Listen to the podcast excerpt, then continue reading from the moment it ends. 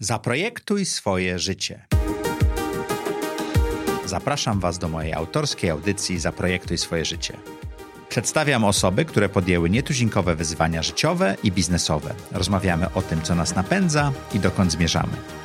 Historie opowiadane przez moich gości zainspirują Was do świadomego i odważnego projektowania swojego życia.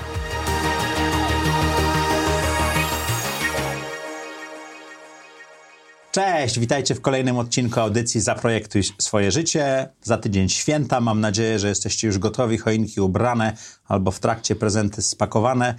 Ale jeżeli znajdziecie czas gotując lub też przygotowując się do świąt na kolejny odcinek, będziemy bardzo szczęśliwi. Jak to tydzień w czwartek o czwartej interesujący goście. Nie zapomnijcie, wysłuchawszy czy obejrzawszy tego odcinka, nacisnąć like i zostawić nam komentarz. A dzisiejszym gościem jest Maciej Kałużyński z firmy. One System. Macieju, witamy Cię bardzo serdecznie. Dzień dobry, witam wszystkich bardzo serdecznie. Witam Cię, Macieju, witam Was wszystkich. Będzie łatwo, bo jest dwóch Maciejów, także nie pomyli się. No, nie ma problemu, że nie będziemy wiedzieć, do kogo, kto do kogo mówi. Tak. Słuchaj, czy pamiętasz, kiedyś pierwszy raz się spot- spotkaliśmy? 12-11 lat temu Okej. knajpa na Mokotowie. Sushi. Sushi? Tak. Tego nie pamiętam. Tak, Tego nie pamiętam. Tak. Budowaliśmy partner, pa- e, program partnerski Dela i byłeś jednym z osób, które zapraszaliśmy do tego programu, czy tam twoja firma. Prawie 12 lat temu. Wow. To Dawno. było chyba wartościowe sushi. Dobre sushi to było, tak. Dobre to było. sushi. Smaku sushi nie pamiętam, ale to, co się tam urodziło, po tym e, jakby jest e, treścią mojego dnia do dzisiaj. To zanim do tego przejdziemy, to jak do tej pory wyglądało projektowanie twojego życia? No to jest właśnie chyba problem, bo ja nie sądzę, że ja projektuję swoje życie. To wydarzyło się wszystko przypadkiem? E, wiesz co, jeszcze w pokolenia, które w życie zawodowe czy życie dorosłe wchodziło e, przy wielkiej zmianie w Polsce, trudno było coś projektować, bo nie mieliśmy bladego pojęcia, co tu się będzie działo. Okej.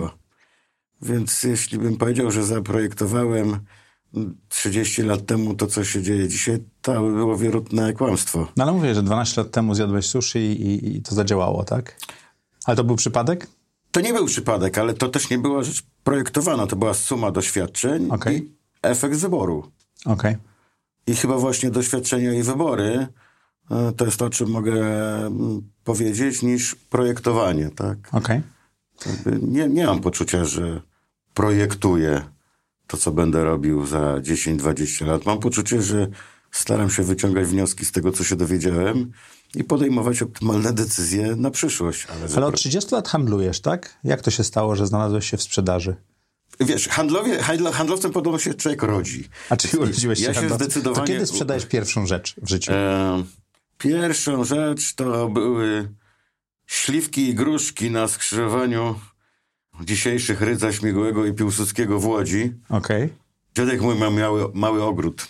I kiedy chcieliśmy od dziadka parę groszy, on oczywiście nam nie dawał tych parę groszy, mówię o mnie i, i, i kuzynach, ale dawał nam skrzynkę gruszek i skrzynkę śliwek, uwagę i szliśmy na róg i sprzedawaliśmy.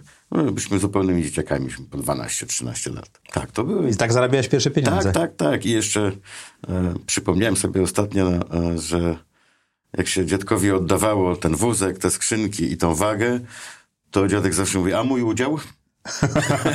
Więc e, dziadek uczył mnie, że nie ma nic za darmo. Okej. Musiałeś odpalać udział? To chodziło bardziej o symbol. Okej, no A, to a, nie, złotówka, a tak? nie o pieniądze, tak? Że używałem jego, e, dostałem od niego owoce, używałem wagi, taki z odważnikami, taka wiesz. Mhm. No to powinienem ten udział wycenić jakoś. No i to chodziło o symbol, tak? Okej. I to była dobra lekcja? To była bardzo dobra lekcja. W ogóle no, ogromnie dużo lekcji wyniosłem od dziadków. I z jednymi, i z drugimi nauczyłem się pracy. Okej. I A Na tam- czym to polegało? E, no tutaj, tak jak ci powiedziałem, potem jak byłem starszy, to trochę poważniejsze były te zajęcia związane z handlem owocami. Dziadkowie z drugiej strony. Pracowałem u nich co roku przy takim malutkim przedsiębiorstwie, e, które nazywało się Karuzela, tak? Były Okej. Dwie karuzele, taka strzelnica, tu się jeździło, jakieś odpusty wiejskie. I tam od małego dzieciaka, najpierw jako taki kręcący się przy tym wszystkim, potem jako ten, który może najprostsze prace wykonywać, aż po kierowcę ciężarówki. Co wakacje, dwa, trzy miesiące no, Od do- odpustu do odpustu. dobrej pracy i pokory do pracy, i chęci do pracy. Lubiłem to bardzo. Ale prowadzisz w tej chwili firmę IT, która za, zatrudnia kilkadziesiąt osób. Jak się tam znalazłeś? Jak- Jaki był następny krok? Bo w międzyczasie sprzedawałeś barwioną wodę z bąbelkami, W tak? międzyczasie, jak ktoś jest z Warszawy i okolic, na pewno coś ode mnie kupił, ty również. Bo, Bo? Byłem, bo byłem szefem sprzedaży warszawskiej Coca-Coli, okej. więc, więc siłą rzeczy pewnie kiedyś coś ode mnie kupiłeś, a potem byłem szefem sprzedaży najpierw regionu warszawskiego, a potem całej Polski takiej firmy, co się nazywała TPSA, dzisiaj Orange, gdzie byłem szefem sprzedaży i sprzedałem zarówno pierwszą, jak i, znaczy nie ja, tylko zespół, pierwszą, jak i milionową Neostradę. Wow. Jak wyglądała sprzedaż e, Coca-Coli w latach 90. w Polsce? Fenomenalny system. Opowiedz. Chyba, chyba największy życiowy uniwersytet, jaki przeżyłem, Tak? to tam. Coca- to był 93-4 rok. Coca-Cola przywiozła tutaj no, sprawdzony od niemalże chyba 100 lat system dystrybucyjno-logistyczny. Wybudowała zakłady produkcyjne i centra dystrybucji. Wydaje mi się, że do dzisiaj część przedsiębiorstw rynku FMCG jeszcze nie ma takiego poziomu Jak wtedy miała jak Coca-Cola? Coca-Cola 25 lat temu. Jeśli Okej. chodzi o egzekucję, dystrybucję, logistykę, mierzenie kluczowych parametrów biznesowych, nasycenie rynku i tak dalej, drop size. Fenomenalny czas. No, absolutnie najlepsze lata biznesowo, jeśli chodzi o rozwój biznesowy, zawdzięczam właśnie e, wodzie z cukrem i systemowi, jaki przywiozła do Polski Coca-Cola. Ciekawostka, warszawska Coca-Cola nie była własnością The Coca-Cola Company, tego To wielkiego był, Amery- dystry- to był dystrybutor. To to był. był własno- właścicielem operacji był norweski browar Ringnes. I tu kolejna fenomenalna lekcja. Norwescy menadżerowie. Okej. Klasa sama w sobie. Do dziś pamiętam Ulla Lundhaugen, Jan Hillesland. To wspaniali ludzie, których można było się uczyć nie tylko biznesu i tego, co robiliśmy na co dzień jako sprzedawcy w Coca-Cola. No, to się nazywała Warszawa Coca-Cola Bottlers.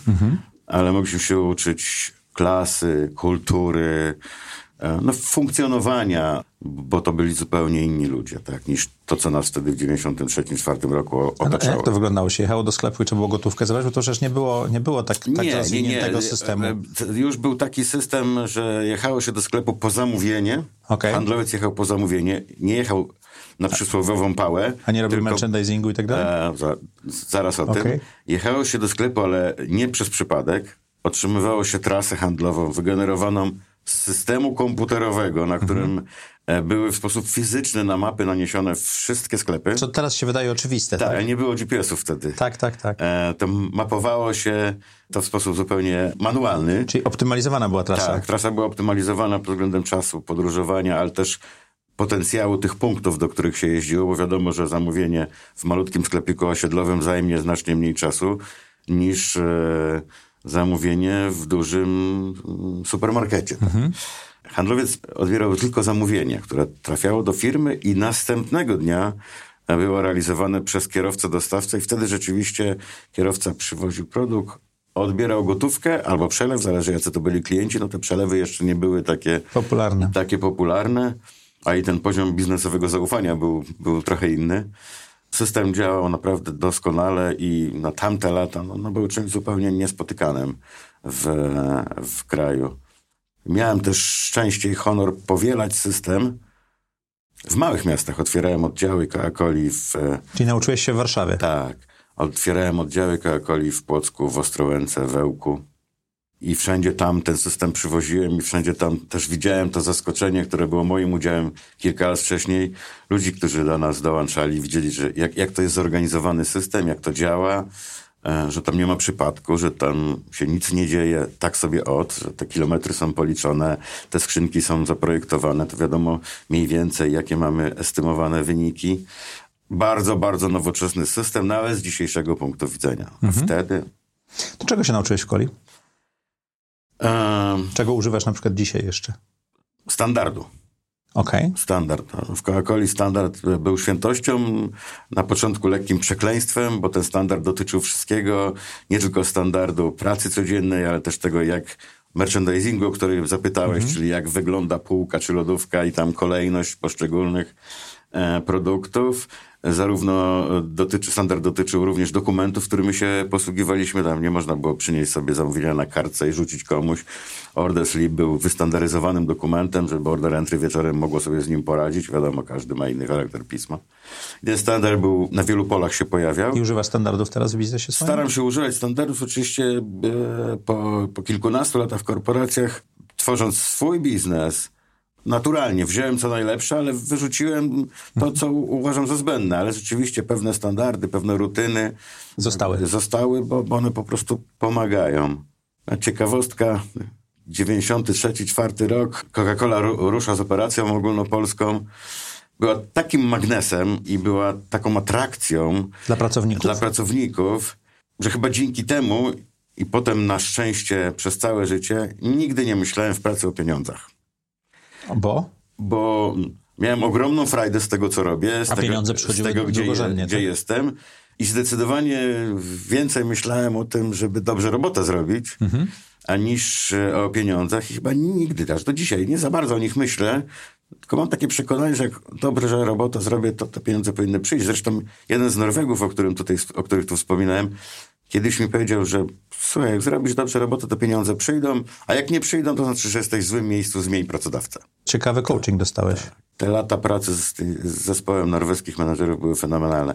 Jak atrakcyjna była to praca, powiem wam, dyrektorem handlowym warszawskiej, e, finansowym warszawskiej Coca-Coli był były perkusista Tilawu. Aha. Również tacy ludzie bardzo chcieli wziąć udział w tej zmianie. No to był za- to I 90 Jacek. Wodecki studiował finanse i, i pożegnał się z Tilawem i, i przyszedł do, do takiej firmy. To była atrakcja sama w sobie. No bo to były lata 90. i zachodnia firma, tak? A co się stało, że postanowiłeś pójść do TP czy Orange? Jeszcze TP, nie? Jeszcze TP, już co prawda TP kupiona przez France Telecom, już TP u progu ogromnej restrukturyzacji. Co się stało? Nic się nie stało. Wydaje mi się, że jakby wyczerpałem swoją drogę przez te prawie 7 lat w Coca-Coli takiego rozwoju, który no, jakby bardzo dużo mi dawał. Zacząłem jako handlowiec, skończyłem jako dyrektor handlowy warszawskiej jej operacji. Ja jestem człowiekiem, który szuka czegoś nowego i tam stagnacja to jest ostatnia rzecz, w której ja się dobrze czuję. Przy okazji były zmiany różnego typu organizacyjne, nie wszystko mi się podobało. A Kola tam zmieniła właścicieli. W- Przyszli, przyszedł inny kapitał, jakby niekoniecznie to wszystko, co on ze sobą niósł, było moim światem. Stąd France Telecom i, i TPSA. Znowu miałem farta, bo to była rzecz bez precedensu dla menadżera. A co się stało? Przychodziłem do TPSA, gdy France Telecom kupił spółkę w gronie kilkunastu menedżerów, dosłownie kilkunastu z międzynarodowych korporacji, którzy dostali takie oto proste zadanie. Taki prawie że urząd państwowy, zatrudniający wtedy 68 tysięcy ludzi. TP zatrudniało 68 tysięcy Wtedy ludzi. 68 tysięcy ludzi, To tak jak Poczta Polska teraz. e, tak? mniej więcej. I ten prawie że urząd zamienić w dobrze działającą Firmę. komercyjną firmę. Fenomenalna menedżerska przygoda, bardzo trudna. Obarczona tysiącami ludzi, które traciły w tym czasie pracę. E, obarczona ogromnymi zmianami organizacyjnymi w tej spółce. Wielkim niepokojem społecznym wewnątrz i też na zewnątrz. Strajki, okupacje, no, to wiele rzeczy nas spotkały. Natomiast prawie każdego dnia widzieliśmy, że to wszystko ma sens. Tak? Spółka, ogromna spółka, nie jest w stanie w XXI wieku u progu takich prostych rzeczy jak telefony w domu ludziom, ludziom wszystkich Zamontować. podłączyć po prostu. No nie jest w stanie tego zrobić. Ma ogromny kapitał, jest tam prawie 70 tysięcy ludzi, a nasycenie rynku jest cały czas bardzo, bardzo daleko za średnimi europejskimi i widzieliśmy, że ta restrukturyzacja również to zmienia. Tak? Świadome inwestowanie w, w miejscach, gdzie jest problem z infrastrukturą, w miejscach, gdzie najlepiej będzie wykorzystana budowa ofert nowych, stały dostęp do internetu, czyli, czyli szerokie pasmo. Najpierw stały SDI, a potem szerokie pasmo, czyli Neostrada. E, No mieliśmy świadomość, że gdyby nie te ogromne zmiany, których tam do, To nie dałoby się tego to, zrobić. To, to, no, to, ta stara struktura by tego nie zrobiła, absolutnie. To jest... Mhm. Przeszedłeś z kultury norwesko-amerykańskiej do francuskiej? To była duża zmiana? Lekko nie było. To opowiedz coś więcej. Praca z... e, Z Bertrandem chyba wtedy pracowałeś, tak? Bertrand Leger był obok, bo o nim chyba mówisz, a, a szefem tej mojej części był Bruno Ditua. Do niedawna zresztą, bo ponownie Prezes. wrócił prezes. E, Więc e, praca z kapitałem, e, z właścicielami francuskimi czy z menadżerami francuskimi to, to zupełnie inna para kaloszy niż praca z Amerykanami. Bo też trzeba pamiętać, co to był France Telecom. Tak? No to France też Telecom. firma. To była wtedy już spółka giełdowa, ale taki incumbent postpaństwowy, praktycznie jak TPSA, tylko dużo większy. Oczywiście bardziej otwarty, już wtedy się został kupiony Orange do tej części mobilnej, bardziej dynamiczny i, bardziej zaangażowany też technologicznie i, i organizacyjnie, no ale jednak z tym bagażem byłej spółki państwowej, wielkiego de facto urzędu telekomunikacji, więc siłą rzeczy menadżerowie e, z Paryża no, byli też obarczeni trochę tym faktem. A z kolei ta grupa menadżerów e, polskich, która przyszła do firmy razem z France Telecom, no to były osoby na wskroś rynkowe z Coca-Coli, Unilevera, Henkla, Statoila, PepsiCo e, i, i tak dalej, i tak dalej. Czyli France Telecom czy TP zatrudniło taką grupę Tak, ludzi, tak? tak, tak, do przekształcania. W związku z tym no, dochodziło do różnego typu tarć pomiędzy tempem, jakie by chciała ta grupa młodych menedżerów, jeśli chodzi o zmianę firmy, a tempem, jaki zakładał France Telecom. No, dość powiedzieć, że przez 4 lata jednym z faktorów czy targetów było ilość gubionych etatów, czytaj ludzi. I to trwało bardzo długo. No, organizacja, która podlega restrukturyzacji i grupowym zwolnieniom aż przez 4 lata, no, potwornie krwa, krwawi. No my chcieliśmy, żeby to, wiedzieliśmy, że to trzeba tak zrobić, żeby to robić trochę szybciej, żeby to zrobić w trochę krótszym okresie czasu. Bo bardzo trudno się realizuje takie biznesowe, ważne przedsięwzięcia w sytuacji, kiedy gdzieś tam z tyłu głowy jest zawsze jeszcze ta restrukturyzacja zatrudnienia, która no, powoduje naturalny zupełnie niepokój wśród zespołu i, i, i jakiś taki brak stabilności. Było sporo nieporozumień, czy tam tarć w sprawie tempa, w jakim A ile osób z tego starego zespołu udało ci się przeszkolić i włączyć z powrotem do tego nowego, co chciałeś robić? Ogromną większość, ogromną większość. Zresztą no, taki był zamysł, że no, e, Bo to byli ludzie, którzy nie nauczyli się właśnie takich rynkowych rzeczy, tak? Tak, musieliśmy ich nauczyć. E, Trzeba było znaleźć tych otwartych, a ich było bardzo dużo. To nie było to żadnym problemem. Natomiast no, problemem był fakt, że TPSA w tym starym wydaniu potrafiła nawet młodych i takich rzutkich i zaangażowanych ludzi trochę przemielić i trochę odebrać im motywacji i woli walki Okej. jako taki właśnie trochę lekko skostniały, jak były urząd. I naszym zadaniem było poszukać w tej operacji tych, którym się chce, albo znaleźć sposób, żeby zmotywować tym, którzy się czują trochę zdemotywowani. Więc do nowych struktur trafiła oczywiście ogromna większość pracowników starej struktury. Staraliśmy się gdzieś tam co kilka stanowisk znaleźć nową osobę z rynku z innymi doświadczeniami po to, żeby Żeby się przemieszało. żeby się zmiksowało. No wręcz tworzyliśmy takie zespoły, że szefem był człowiek z zewnątrz, jego partnerem był człowiek ze środka lub odwrotnie, po to, żeby nie zgubić niczego ważnego, a jest mnóstwo z tych ważnych rzeczy związanych z infrastrukturą teletechniczną, wtedy no bardzo istotnych, ale też dołożyć dużo nowych kompetencji, tej takiej rynkowej świeżości, takiej też odpowiedzialności rynkowej za, za biznes po prostu. Okej. Kilkanaście lat w dwóch korporacjach i, i potem robisz jakieś takie eksperymenty, rozumiem, przed własnym biznesem, czy jak to wyglądało? To nie eksperyment, to po prostu dobra oferta. No. Aha, czyli ktoś ciebie wykupił, tak? Myślę, że chodzi ci o reportera chyba, tak? Tak. Nie, no to nie był re- eksperyment. No, młoda polska spółka nagle zapragnęła się To już zmienić. 2000 lata były, nie? 2000, 2006. Młoda polska spółka, fajnie się rozwijająca. Już jej niestety dzisiaj nie ma, ale ja nie mam nic wspólnego z tym, że jej nie ma. Postanowiła rzeczywiście dokonać e, zmiany u siebie w To zespole. była spółka odzieżowa. E, Reporter było wtedy o podobnych rozmiarach jak grupa LPP, czyli Rezerw. Jeden z takich graczy na rynku, młodzieżowym rynku fashion. Jak LPP wtedy. Tak, jak LPP wtedy, tak, tak, tak, bo to były bardzo podobne podmioty.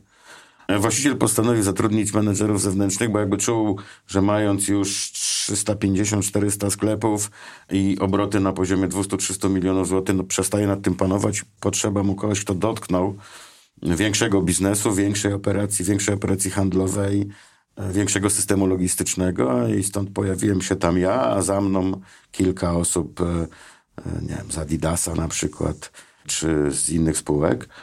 No to nie był to eksperyment. No, po prostu zostałem członkiem zarządu odpowiedzialnym za sprzedaż i marketing, za Polskę. Jeszcze mieliśmy operację na Ukrainie, mieliśmy operację małą, rodzącą się wtedy na Białorusi. Ja tego nie nazwę eksperymentem. To był jakiś etap. A to nie fajny. ty szukałeś, to ciebie znaleziono. Tak, to mnie znaleziono, to mnie znaleziono, bo w spółce pojawił się wtedy inwestor, który jakby jasno powiedział, że, Ma być. e, że czasy takiej rekrutacji szefa sprzedaży czy członków zarządu e, tylko wokół m, się skończyły i, i, wystąpił normalnie headhunter w tym, tym procesie.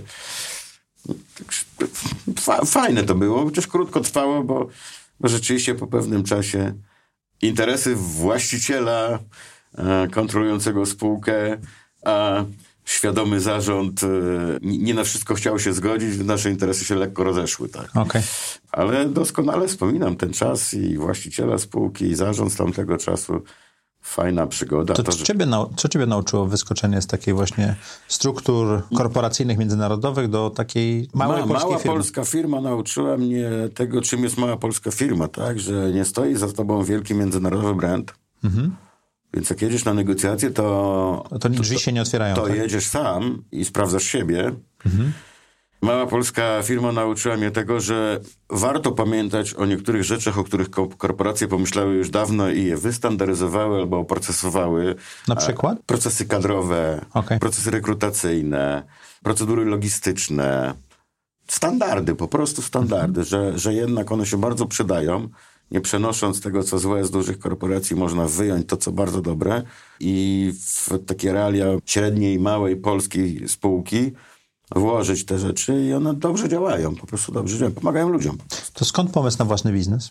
Ten pomysł się pojawił, pojawił już trochę wcześniej, ja jakby odchodząc z e, TPSA. No miałem taką świadomość, że mam około 40 lat, niespełna 40, to jest dobry moment, tak, żeby pójść na swoje. Niemalże równolegle te pierwsze kroki mm, w własnym biznesie zacząłem stawiać.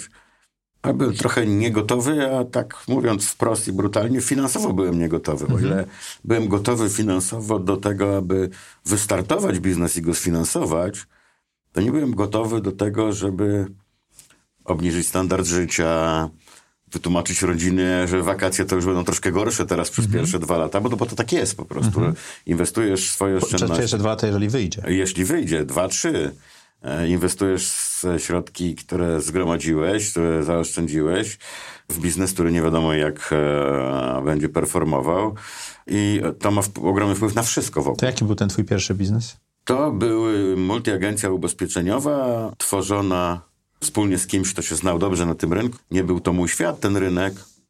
W sumie z perspektywy czasu trzeba powiedzieć, że to, to e, spółka stworzona i zbudowana z sukcesem, tylko moje drogi z partnerem biznesowym się rozeszły dosyć szybko. E, Czyli to nie była kwestia modelu biznesowego, tylko dobrania modernie partnera, tak? Spółka została niedawno sprzedana za całkiem przyzwoite pieniądze dużemu podmiotowi, więc chyba wszystko było z nią ok, bo też właśnie pojawiło się tam trochę i procedur, i procesów, i, i ciekawych ludzi. Potem było jeszcze chwilę powrót do struktur korpor- korporacyjnych, no jakby właśnie po to, żeby trochę się przygotować do tego. Finansowo? Tak, tak, tak. A czyli nie, wybi- nie wybierałeś pracy w sensie, żeby zrobić karierę, tylko żeby... Tro- czy, trochę- czy nie wiedziałeś? To trochę było nie tak, bo e, teraz mówię o Neti, Mhm. której byłem chyba półtora roku. Ja, ja w sumie już wtedy nie chciałem iść do pracy. Okej. Chciałem jakby rozwijać swój biznes, ale to Netia straszliwie mocno do mnie pukała osobą wtedy członka Dlatego, że zarządu. byłeś po Orange. Byłem znany na rynku, wszyscy wiedzieli, co zrobiłem jako szef sprzedaży mm, w rynku Home w TPSA. Szukano dyrektora zarządzającego rynkiem w Neti i, i ówczesny członek zarządu no, mnóstwo energii włożył w to, żeby mnie dopaść, namówić, przekonać. Do mnie do biura przyjeżdżał, no ciekawe to było i, i w końcu rzeczywiście tak się stało, że zostałem dyrektorem zarządzającym e, rynkiem Home w, w Neti i w tym samym czasie mój własny biznes też ruszał, z tym, że zarządzany przez zewnętrznego menedżera, tak. Znaczy to, że było to przy okazji, to mogło rozjechać waszą relację? Że nie było cię w tym biznesie? Rozjechać relacje nie, No, bo natomiast powiedziałeś, że, bo powiedziałeś, że tam rozjechały się wasze drogi. O, przepraszam. trudno mi powiedzieć.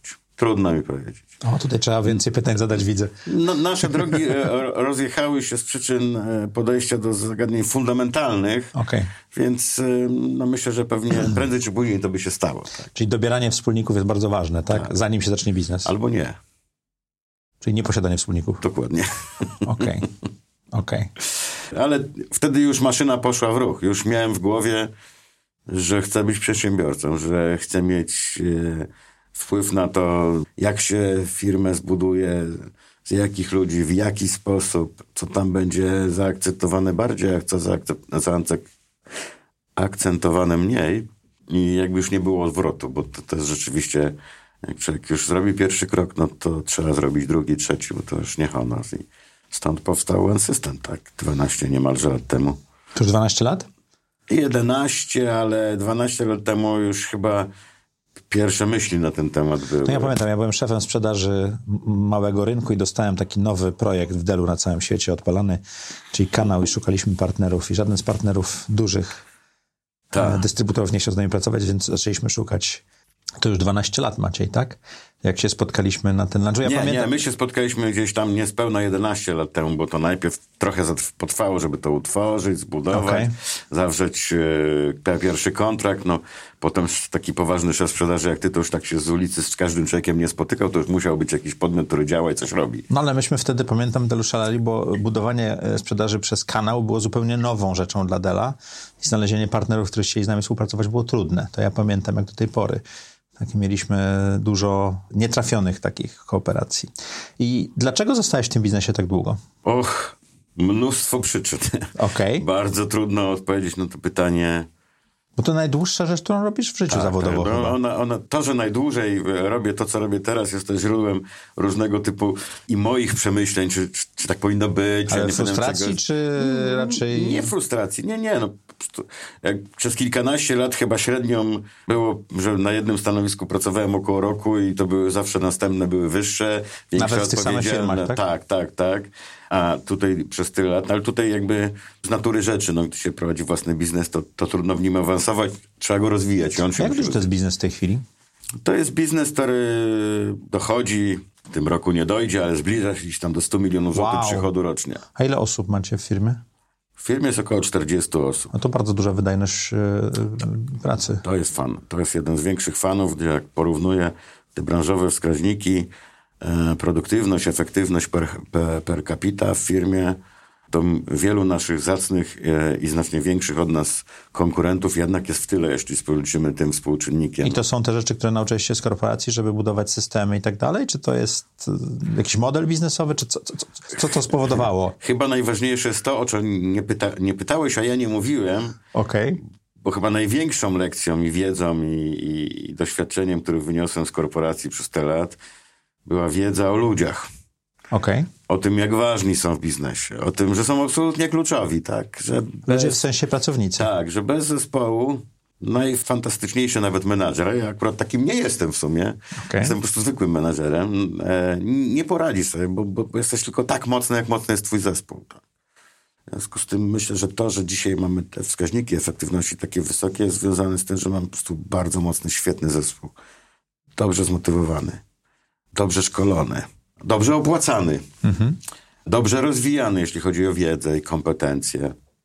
I że ciągle udaje mi się, albo może udaje nam się, mówię o, sobie i zespole menedżerskim, dostarczać tyle paliwa, że wszystkim chce się chcieć. A Jak szkolisz zespół? Bo to w, w, w polskich firmach niedużych to nie jest chyba coś, co się często robi. Ja rozumiem, że to wynika z technologii czy, czy innych rzeczy.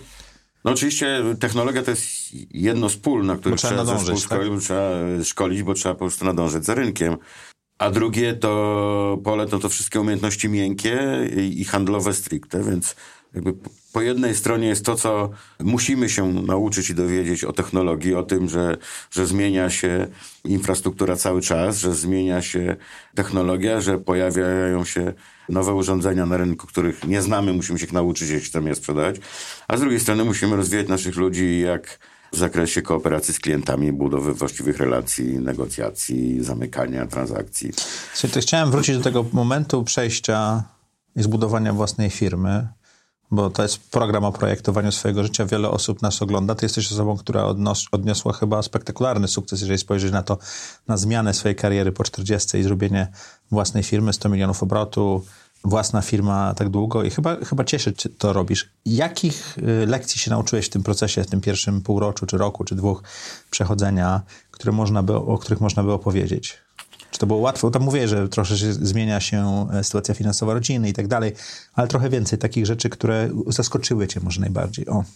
Ja chyba więcej nauczyłem się wcześniej i wykorzystałem, niż się nauczyłem tą tylko... pierwszą firmę, która nie wyszła, Nie, tak? nie, robiąc w ogóle to, co robię, robiłem przez całe zawodowe życie. Okej. I zawsze byłem blisko operacji, blisko ludzi. Wiedziałem, skąd się bierze biuro, skąd się biorą pieniądze na biuro. Zawsze się tym interesowałem, Okej. a dzięki temu też, że zawsze byłem otwarty na tą część i stronę finansową. I też miałem szczęście, że w Coca-Coli dużo się o tym mówiło i jakby mieliśmy rachunek wyników dla poszczególnych operacji, to samo w TPSA. Nie byłem oderwany od tego, co...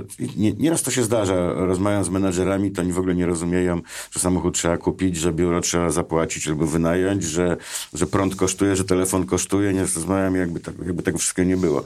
Ja to wszystko wiedziałem, miałem tego świadomość, co mnie czeka. Jeżeli zatrudniam kilkanaście osób, muszę wynająć biuro, muszę kupić komputery, telefony, faksy, to wszystko, co jest potrzebne do funkcjonowania.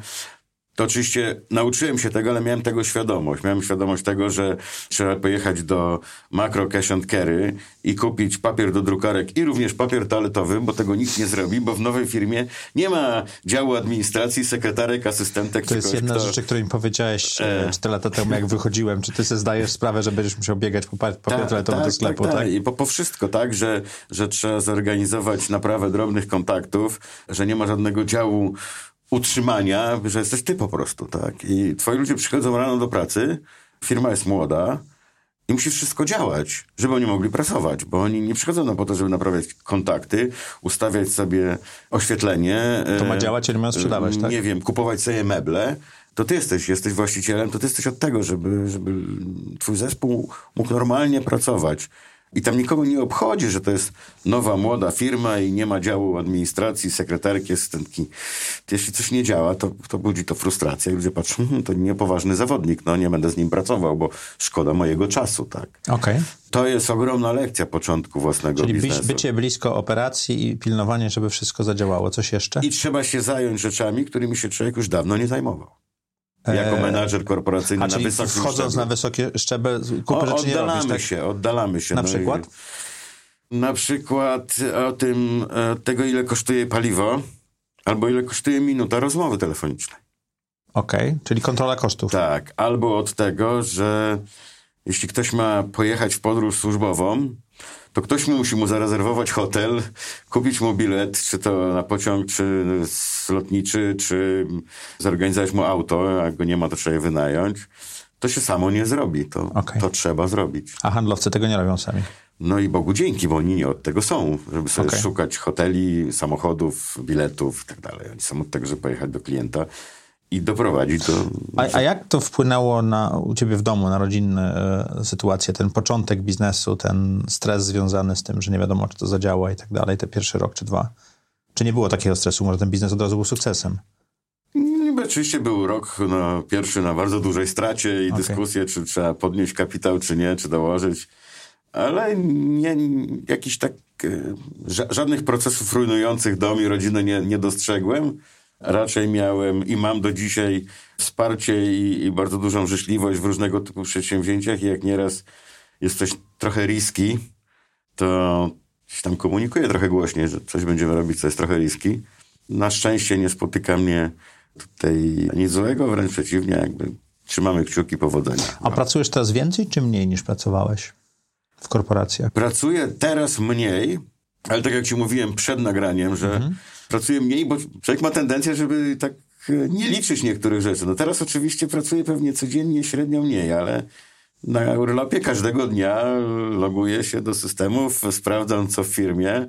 Prawie w każdy weekend poświęcam chwilę czasu na nadgonienie Czyli spraw. jak jesteś na wakacjach, to jesteś w, Każdego dnia na banku i- wakacjach trzeba spojrzeć do banku, sprawdzić, co się dzieje na mailu, zobaczyć, czy nie trzeba jakiegoś dokumentu zorganizować. Nie raz na wakacjach gdzieś tam jeżdżę, szukam jakiegoś biura, żeby wydrukować dokument, podpisać go, zeskanować i wysłać. bo taka jest potrzeba, więc pracuję chyba w tej chwili na pewno mniej, nie chyba, tylko na pewno mniej niż pracowałem w szczycie tych korporacyjnych lat, ale jestem zawsze w pracy. Ale pracujesz 7 dni w tygodniu tak, ale jestem tak? zawsze w pracy. Okej. Choć nie jestem w pracy, to jestem zawsze gdzieś. Znaczy głowa jest w pracy, tak? Głowa, nawet nie tyle głowa, co po prostu prawie każdego dnia coś tam jest do zrobienia. Mhm. Jak y, dzisiaj wiem, że przyjdę na nagranie do ciebie, no to wczoraj późnym wieczorem taką robotę, którą bym teraz zrobił. A, czyli poranną robotę zrobiłeś w- Trzeba było wieczór, wykonać, no, nie ma Okej. zmiłuj. Okej. Rzeczy się same nie dzieją. Dobrze. Słuchaj, w audycji Zaprojektuj swoje życie mamy kilka pytań, które zadajemy wszystkim gościom. Ja spróbuję też tobie zadać. Czy możesz opisać najlepszą decyzję, jaką podjąłeś w życiu? Aż mnie korci, żeby powiedzieć. W tych setkach tysięcy decyzji trudno wybrać tą najlepszą. No bo trochę tak jest. No, tych decyzji życiowych, zawodowych było bardzo dużo. No, niezwykle trudno mi wskazać jedną. Na pewno bardzo ważne było ten moment wiele, wiele lat temu, kiedy ktoś mnie zapytał, czy chcesz być menadżerem, czy chcesz być A szefem. byłeś handlowcem. A byłem handlowcem. Czy chcesz być szefem? Okej. To nie jest takie oczywiste. Nie wszyscy chcą, nie wszyscy się z tym dobrze czują. Kto cię zapytał? Mój przełożony bezpośredni, który mówi, że taka okoliczność się pojawi. Krótko byłem w tej firmie, no, 90 lata. Coca-Cola? Tak, człowiek nie wiedział, jak to działa, te aplikacje. To...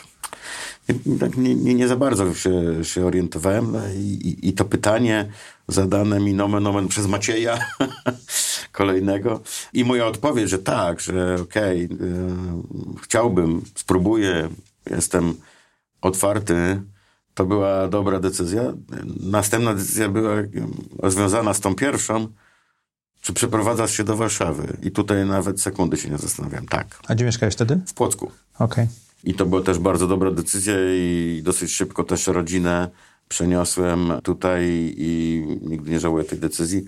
No i oczywiście decyzja o tym, że mając w plecaku dość dużo tych doświadczeń menedżerskich, korporacyjnych, no można by je spożytkować inaczej, na swoim, tworząc coś własnego. Tak? No, myślę, że trzy były takie ważne. Wow. Co daje ci najwięcej energii czy satysfakcji w życiu? Mazury. Okej. Mazury to twoja pasja. Nie, ża- żartuję oczywiście, ale ma, ma, Mazury są, są tym, tym miejscem, które rzeczywiście no, chyba najwięcej dają mi właśnie tej Jak energii. często jesteś na Mazurach? Co weekend w sezonie. Aha. Prawie co weekend. No. I pływasz. Pływam, kiedyś nie pływałem, ale bywałem. Em, Przyjaciół, którzy wiele lat temu trochę tymi Mazurami mnie zarazili, bardzo im dziękuję za to, bo to było świetne. Dzisiaj pływam, ale też spędzam czas po prostu włócząc się tam po tych Mazurach, bo, bo one są bardzo fajne i one widziane z wody są dużo fajniejsze niż widziane z najfajniejszego nawet hotelu. Zresztą hotele na Mazurach, to nie ma fanu. No, na Mazurach trzeba wejść W szuwary. w szuwary, nad wodę, do lasu, no to jest, to jest, to jest fan mazurski, tak, a- a nie bar hotelowy. A jak wygląda twój typowy dzień w tej chwili przedsiębiorcy? Normalnie, jak pewnie każdego. Wstaję rano, jem śniadanie, idę do roboty, wracam do domu po A robocie. ile godzin pracujesz? Krótko pracuję. Myślę, że pracuję teraz rzeczywiście około 8 godzin. To jest krótko? No tak, no nigdy tak nie pracowałem normalnie. 8 godzin to jest krótko. To jak pracowałeś w korporacjach? Uch, miałem taką asystentkę Izę, która kiedyś, patrząc na mnie z boku, mm, się zaczęła mnie niepokoić. Potem się o tym dowiedziałem i zrobiła mi statystykę e, mojego czasu pracy i kilometrów, jakie pokonuję. I, i, Ile tam wyszło? I wyszło, że 16 godzin na dobę, a w tym roku, którego dotyczył ten czas, e, akurat to zapamiętałem, bo, bo było to przedmiotem takiej ożywionej dyskusji w całej firmie. Zrobiłem 90 tysięcy kilometrów. Jako menadżer. Jako menadżer, trochę więcej niż taki, dużo więcej niż standardowy kierowca tira. Okej. E, Bez tachometru i tak dalej, tak? Obyło się to, odbiło się to dużym echem. Menadżer floty stwierdził, że no musi mi wymienić ten samochód, bo gdybym w moich rękach został tyle, co normalnie procedura firmowa mówi, czyli 4 lata, to nie byłoby co zbierać z tego auta, więc po roku dostałem nowy samochód ku zazdrości kolegów. A, A koledzy ile w tym czasie przejeżdżali? Trudno mi powiedzieć, ale znacząco mniej. Ja byłem wtedy odpowiedzialny za tworzenie tych nowych oddziałów firmy. Jeździłem pomiędzy Warszawą, Ostrołęką, Ełkiem, Białymstokiem, Płockiem. No, no w natężeniu no, niewyobrażalnym zupełnie. Drogi trochę inaczej wyglądały Też wtedy. prawda. Dzisiaj jak jadę gdzieś tam na wschód i... i, i jadę, Czteropasmową drogą. Tak, obwodnicą Marek, obwodnicą Radzymina, obwodnicą Wyszkowa, obwodnicą Ostroi Mazowieckiej. To w Ostroi Mazowieckiej jestem po 40 minutach, a ja pamiętam czasy, kiedy dwie godziny to był fenomenalny wynik, żeby Do tam dojechać. Tak. tak. To był fenomenalny wynik, żeby tam dojechać. Dzisiaj no jest po prostu trochę prościej. Dygresja poleciała. Pytanie było o twój typowy dzień. E, czyli 8 godzin to jest mało, bo pracowałeś 16, tak? Tak, tak. on jest taki normalny. Czyli jesteś pracownikiem, Macieju? Nie, nie jestem. Po prostu lubię pracować, tak?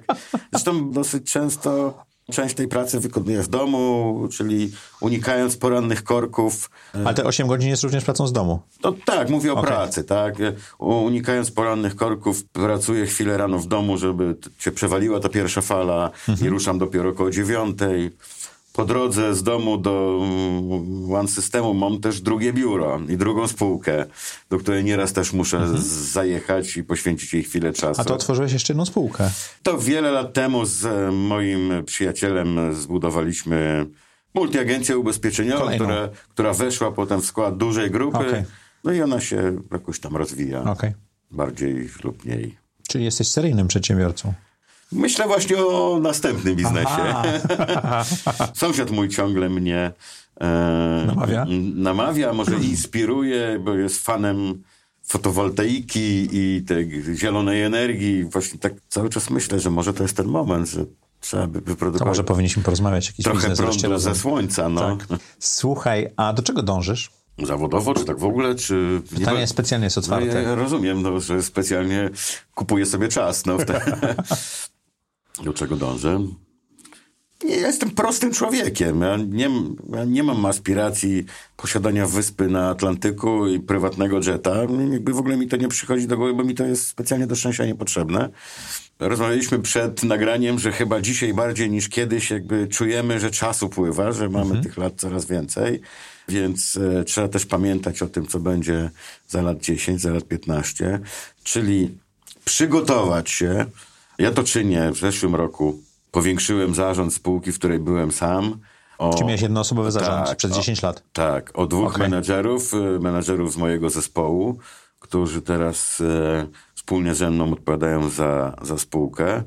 Są dużo młodsi, dużo bardziej energetyczni, mają inną sumę życiowych doświadczeń. Zaczynają zadawać niekomfortowe pytania? Bardzo i bardzo dobrze. W związku z tym no ja się bardzo cieszę. Chociaż to, to nie było łatwe. A nie masz takiej sytuacji jak w reporterze, że rozjeżdżają wam się drogi? Nie, nie. No, my pracujemy przez wiele lat razem. Okay.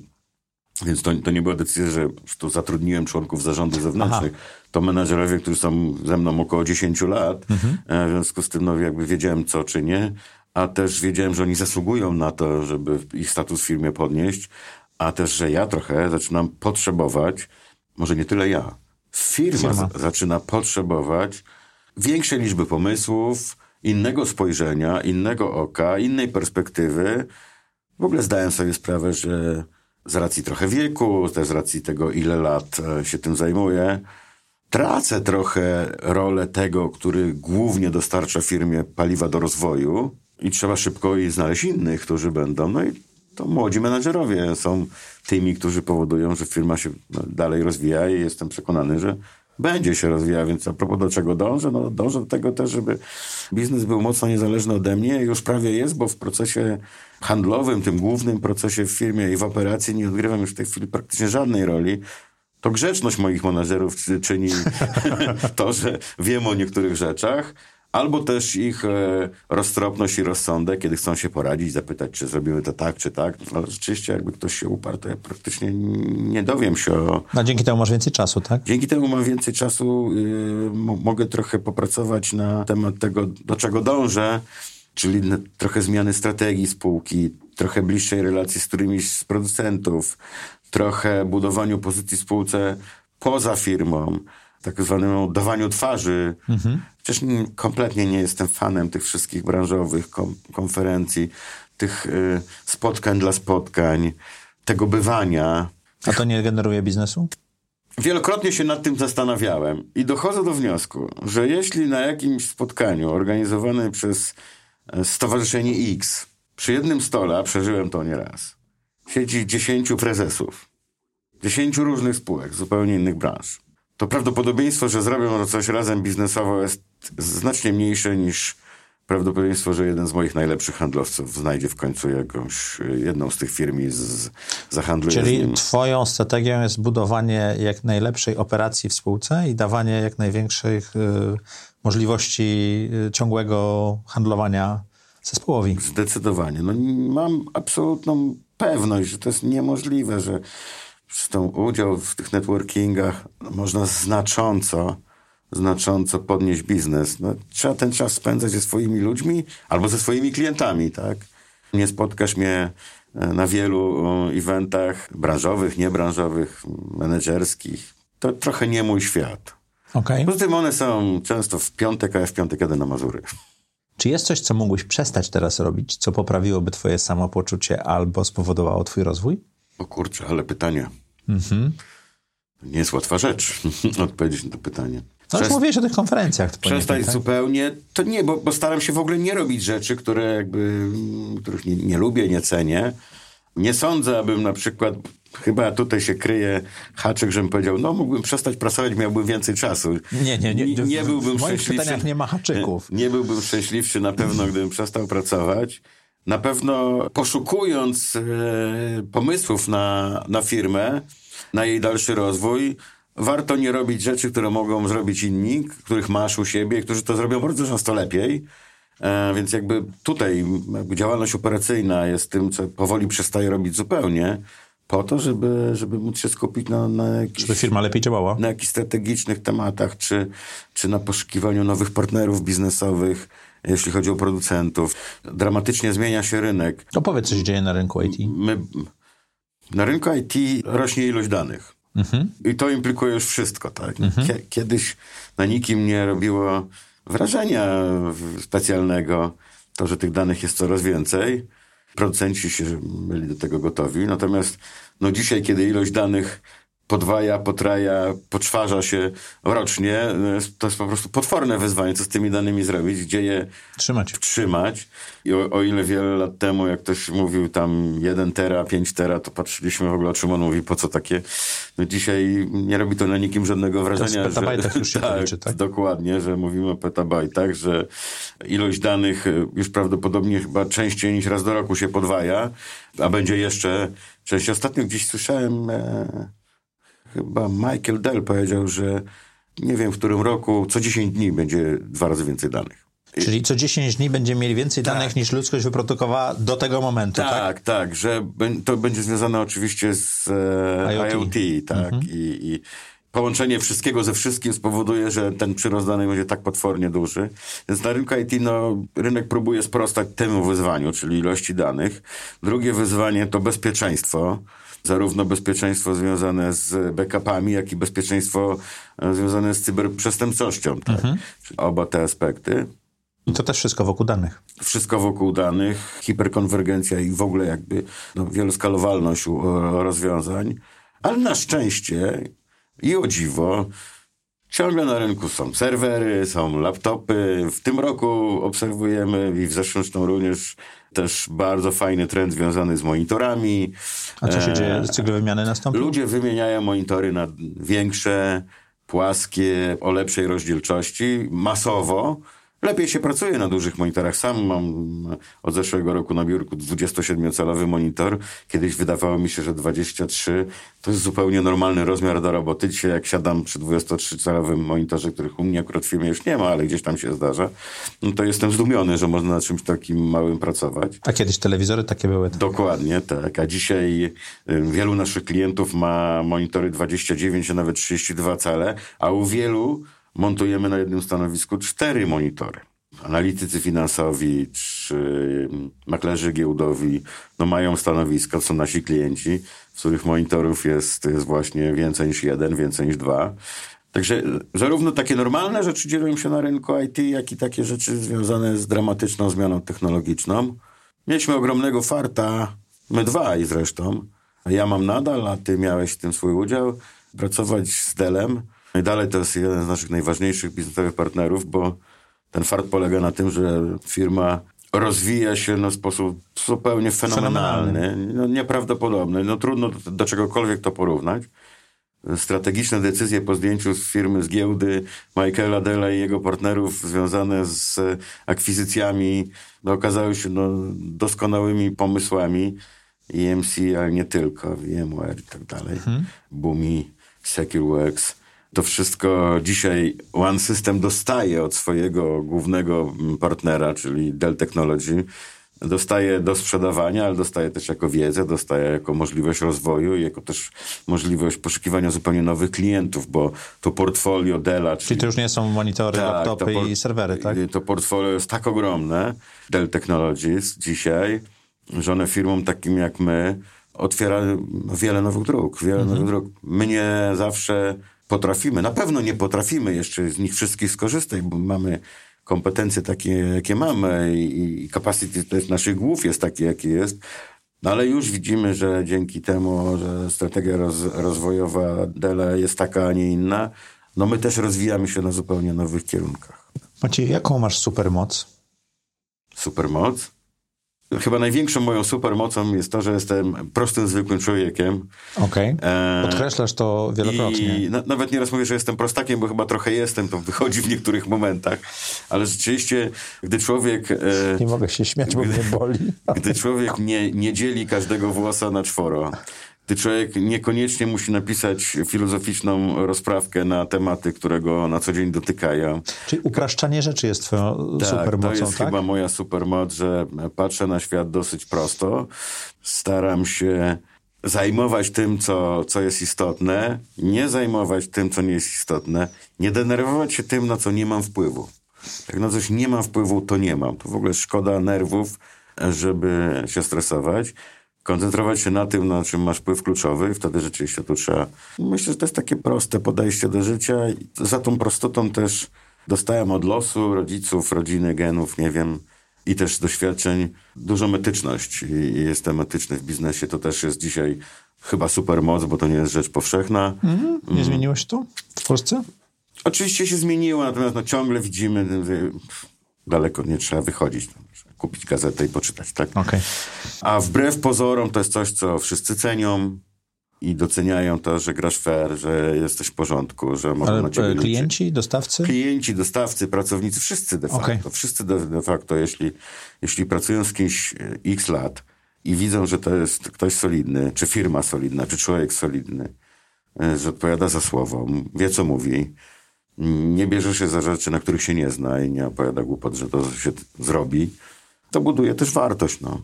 Macieju, trzy rzeczy, które chciałbyś robić za trzy lata to? Dalej chciałbym rozwijać swój własny biznes. Ten? Ten. Czy kolejny? Ten, ten, okay. jak najbardziej, ten. Spaść na pomysł nowego biznesu i zacząć go rozwijać czy tworzyć. Mam nadzieję, że się uda. Dalej chcę być fanem i miłośnikiem Mazur i chciałbym jak najwięcej czasu tam spędzać, pływać łódką na Mazurach, ale też pożeglować po akwenach większych i dalszych, co już czynię. Co już czynię, bo i w tym roku pływałem na Morzu Śródziemnym wokół Sardynii, w zeszłym roku wokół Wysp Greckich. Okay. Następny pomysł to, to jakiś rejsik po wysepkach mniejszych lub większych Oceanu Indyjskiego.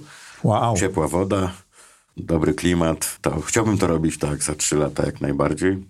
Jakiś patent y, sternika czy kapitana morskiego, czy niekoniecznie? Chyba niekoniecznie, bo jednak jak się rzecz traktujesz wakacyjnie, okay. to powinieneś mieć ze sobą profesjonalistę, który rzeczy nie traktuje wakacyjnie, tylko poważnie. I też zna akwen, prawda? Tak, a, a, pływanie po morzu czy po oceanie jest rzeczą bardzo fajną, ale też wymagającą, a nieraz mhm. niebezpieczną, więc dobrze jednak pamiętać o tym. Mhm. Twoje Power Five, osoby, którymi się otaczasz, które ci pomagają podejmować decyzje, czy też wpływają na ciebie, to? Mój zespół menedżerski, zdecydowanie. Okej. Okay. Moja żona, która jest też menadżerem, pracuje w amerykańskiej korporacji i też nieraz się radzę i pytam. Mhm. I grono przyjaciół, bo jestem szczęśliwcem, który, który ma duże grono przyjaciół, takich sprawdzonych, zaprawionych w bojach, z którymi można nie tylko się pośmiać i poimprezować, czy popływać łódką, czy spędzić fajnie czas, ale można też pogadać o biznesie albo dylematach, rozterkach życiowych. Jak zbudowałeś to grono przyjaciół? Przez no, lata. Tak normalnie, no. Człowiek poznaje ludzi. Wszystko musi być proste, zapomniałem. Człowiek poznaje ludzi, z niektórymi się szybko, dobrze dogaduje, z niektórymi nie, no bo tak jest, tak, no jesteśmy różni bardzo. Jeśli się gra z ludźmi fair, jeśli się poświęci im trochę czasu. Budowanie kręgu przyjaciół i, i życia towarzyskiego w ogóle wymaga czasu, zaangażowania, atencji. A ja ją mam i jakby, ponieważ bardzo cenię życie towarzyskie, wiem, że żeby ono się rozwijało, to trzeba temu trochę poświęcić również czasu trzeba się tym zająć i no, się samo wszystko nie dzieje. Trzeba skrzyknąć ludzi od czasu do czasu, trzeba coś zorganizować, trzeba namówić na to czy na tamto. Więc jakby no, krąg towarzyski jest też bardzo ważny w takim normalnym funkcjonowaniu, ale w części biznesowej, bo nieraz w tym kręgu są ludzie o różnych doświadczeniach. Mhm. Sam wiesz, że nieraz zdarza nam się pogadać o jakimś pomyśle biznesowym. I jeśli ten krąg jest szeroki, no to znajdziesz i finansistę, znajdziesz i e, logistyka, i znajdziesz psychologa, i wtedy jakby no, łatwiej jest e, zaadresować jakiś temat, który cię nurtuje i szukasz porady, pomocy, czy jakbyśmy to nie nazwali. Macieju, czego nauczyłeś się w ostatnich 12 miesiącach? Kończy się rok 2019. Czego się nauczyłeś? Nie tylko w ostatnich 12, ale szczególnie w ostatnich 12 nauczyłem się, że jeśli chcesz być menedżerem, przedsiębiorcą, musisz być gotowy na nieprawdopodobne zmiany prawne, szczególnie w naszym kraju. Okay. Więc nauczyłem się, jak błyskawicznie się adaptować do split paymentów, do rozwoju całej strefy JPEG-ów i, e, i tego wszystkiego, co wiąże się z uszczelnianiem, czego doświadczamy na każdym kroku i każdego dnia. A branża z IT była jedną z tych narażonych była, na tak, większe była, kontrole, tak? pewnie jest, no tego nie wiem. A więc jakby to kolejny rok, kiedy bardzo mocno musimy się, nauczyłem się, że, że musimy się błyskawicznie adaptować i trzeba się wszystkiego spodziewać. Nie wiadomo, co mhm. przyniesie kolejny rok. Sporo się nauczyłem, jeśli chodzi o ten rok o, o technologii, bo to był rok, kiedy ja się zacząłem trochę dokształcać właśnie z IoT, 5G, więc trochę już wiem, ale raczej wiem, że mało wiem. I ten rok okay. najbliższy dla firmy i dla mnie to będzie rok właśnie poświęcony bardzo dużemu zainteresowaniu IoT. Czyli 5G, internet rzeczy, to jest tak. to, czego będziesz się uczył w 2020, tak? tak? i chyba będziemy jako spółka też się tego mocno uczyć, okay. patrzeć na ofertę rynkową, próbować przygotować się na to, że za chwilę dostaniemy pytania od klientów i my musimy znowu wystąpić jako ekspert, a nie jako taki, który no, nie wiem, tak, no bo okay. wtedy to się nie buduje wiarygodności u klienta, jak się mm -hmm. powie, że trzeba wiedzieć. Dziękuję Ci ślicznie. Co chciałbyś, żeby nasi słuchacze i widzowie zapamiętali z tej rozmowy? Rozmowa jak rozmowa. Pogadaliśmy z Maciejem o biznesie. Znamy się wiele lat. Nie ma rocket science w biznesie ani w projektowaniu własnego życia. Trzeba pracować, to po pierwsze. Trzeba grać fair, to po drugie. Trzeba mieć e, fajnych ludzi wokół siebie, to po trzecie. I trzeba bardzo wierzyć że gdy się swoją robotę dobrze zrobi, to przyjdzie za tym i satysfakcja, przyjdą pieniądze i kiedyś może zadzwonić ktoś i powiedzieć, Macie, chciałem z tobą pogadać o, o życiu i biznesie w audycji Zaprojektuj swoje życie. Co się dzisiaj stało. Dzięki Macieju. Dziękuję ci ślicznie. Ach, lewą ręką możesz. ja nie mogę. Dziękuję Wam ślicznie, wesołych świąt, wszystkiego najlepszego, bawcie się dobrze i jeżeli macie jakieś zaległości, to to będzie dobry okres, żeby nadrobić e, stare odcinki audycji Zaprojektuj swoje życie. Do zobaczenia jak e, co tydzień w czwartek o czwartej.